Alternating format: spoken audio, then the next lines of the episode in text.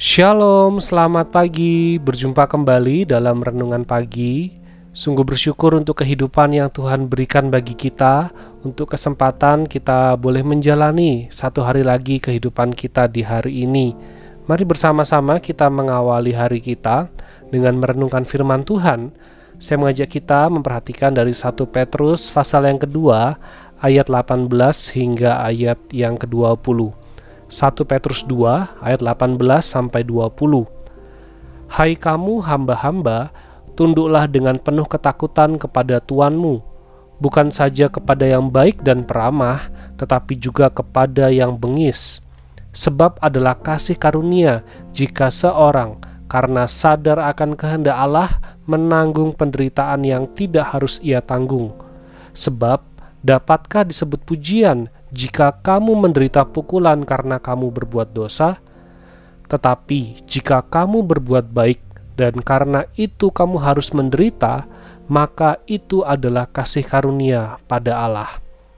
Petrus menuliskan bagian ini untuk memberikan dorongan dan penguatan pada orang-orang percaya, pada orang-orang Kristen yang pada waktu itu harus menjalani kehidupan mereka sebagai budak yaitu bagaimana menjalani kehidupan Kristen di dalam situasi yang sulit, bagaimana menjalani kehidupan Kristen di dalam situasi yang berat. Menjadi Buddha itu bukan pilihan, tetapi suatu jalan yang terpaksa harus dijalani.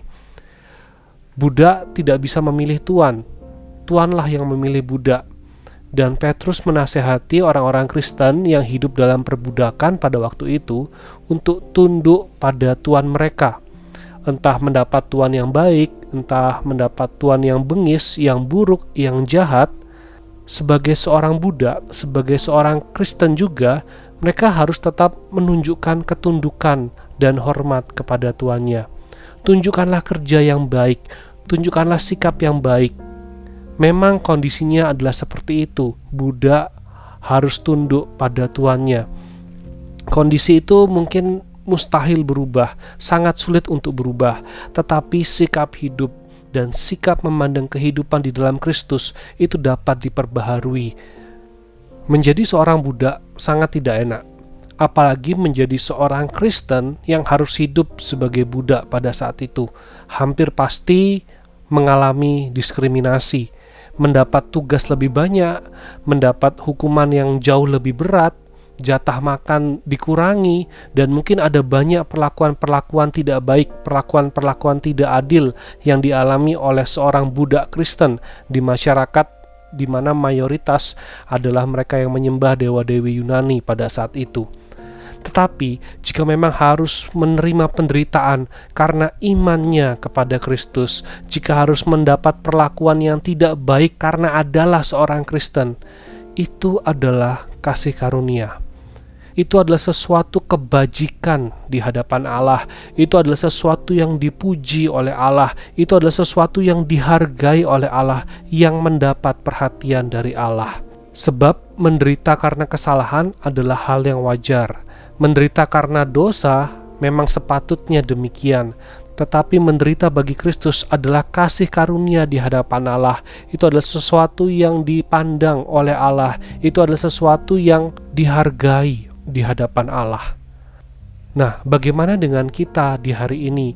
Tentu kita mengalami dan memiliki pergumulan yang berbeda dengan kondisi jemaat pada awal abad pertama. Tetapi bagian ini mengingatkan kita juga di dalam pekerjaan kita, di dalam keseharian kita, di dalam aktivitas yang kita jalani, Tuhan ingin agar kita sungguh-sungguh tahu posisi dan tanggung jawab kita Tuhan ingin agar kita mengerjakan apa yang menjadi bagian kita, kita lakukan dengan sebaik-baiknya. Dan jikalau kita mendapatkan beban yang lebih berat karena iman kita, kita mendapatkan perlakuan yang tidak baik karena kepercayaan kita pada Yesus Kristus, ingat bahwa Tuhan melihat akan perjuangan kita. Tuhan menghargai itu. Karena kita memang tahu kita sebagai orang Kristen, kita adalah minoritas. Banyak orang yang menghina kekristenan, menghina orang Kristen, memberi perlakuan-perlakuan yang tidak adil, tetapi ingat bahwa Tuhan melihat akan perjuangan iman kita di dalam kehidupan kita. Tuhan menghargai itu. Mari kita tetap mengerjakan apa yang menjadi tanggung jawab kita. Mari kita mengerjakan apa yang menjadi bagian kita dengan sungguh-sungguh. Kita juga melakukan segala sesuatu di hari ini.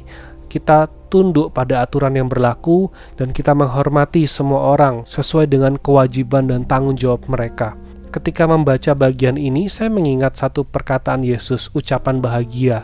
Dalam Matius 5 ayat 10 sampai 12, Yesus berkata, "Berbahagialah orang yang dianiaya oleh sebab kebenaran, karena merekalah yang empunya kerajaan surga." Berbahagialah kamu jika karena aku kamu dicela dan dianiaya dan kepadamu difitnahkan segala yang jahat. Bersukacita dan bergembiralah karena upahmu besar di surga. Sebab demikian juga telah dianiaya nabi-nabi yang sebelum kamu. Bela firman Tuhan pada hari ini boleh terus menguatkan kita dalam menjalani kehidupan kita sebagai seorang Kristen di tengah-tengah tekanan-tekanan yang ada yang kita alami di hari ini biarlah kita terus menyadari bahwa itu adalah suatu karunia dari Allah, bahwa itu adalah sesuatu yang berharga di hadapan Allah. Itulah kehidupan kita yang kita itulah bagian yang Tuhan berikan, yang Tuhan izinkan untuk kita alami. Bersukacita dan bergembiralah di dalamnya, karena perjuangan kita tentu tidak sebanding dengan apa yang sudah Tuhan berikan bagi kita, yaitu keselamatan dan kehidupan yang kekal. Mari kita berdoa. Bapa di surga, kami sungguh bersyukur untuk firman-Mu di hari ini. Boleh menguatkan kami, boleh mengingatkan kami kembali bagaimana kami menjalani kehidupan kami sebagai seorang Kristen.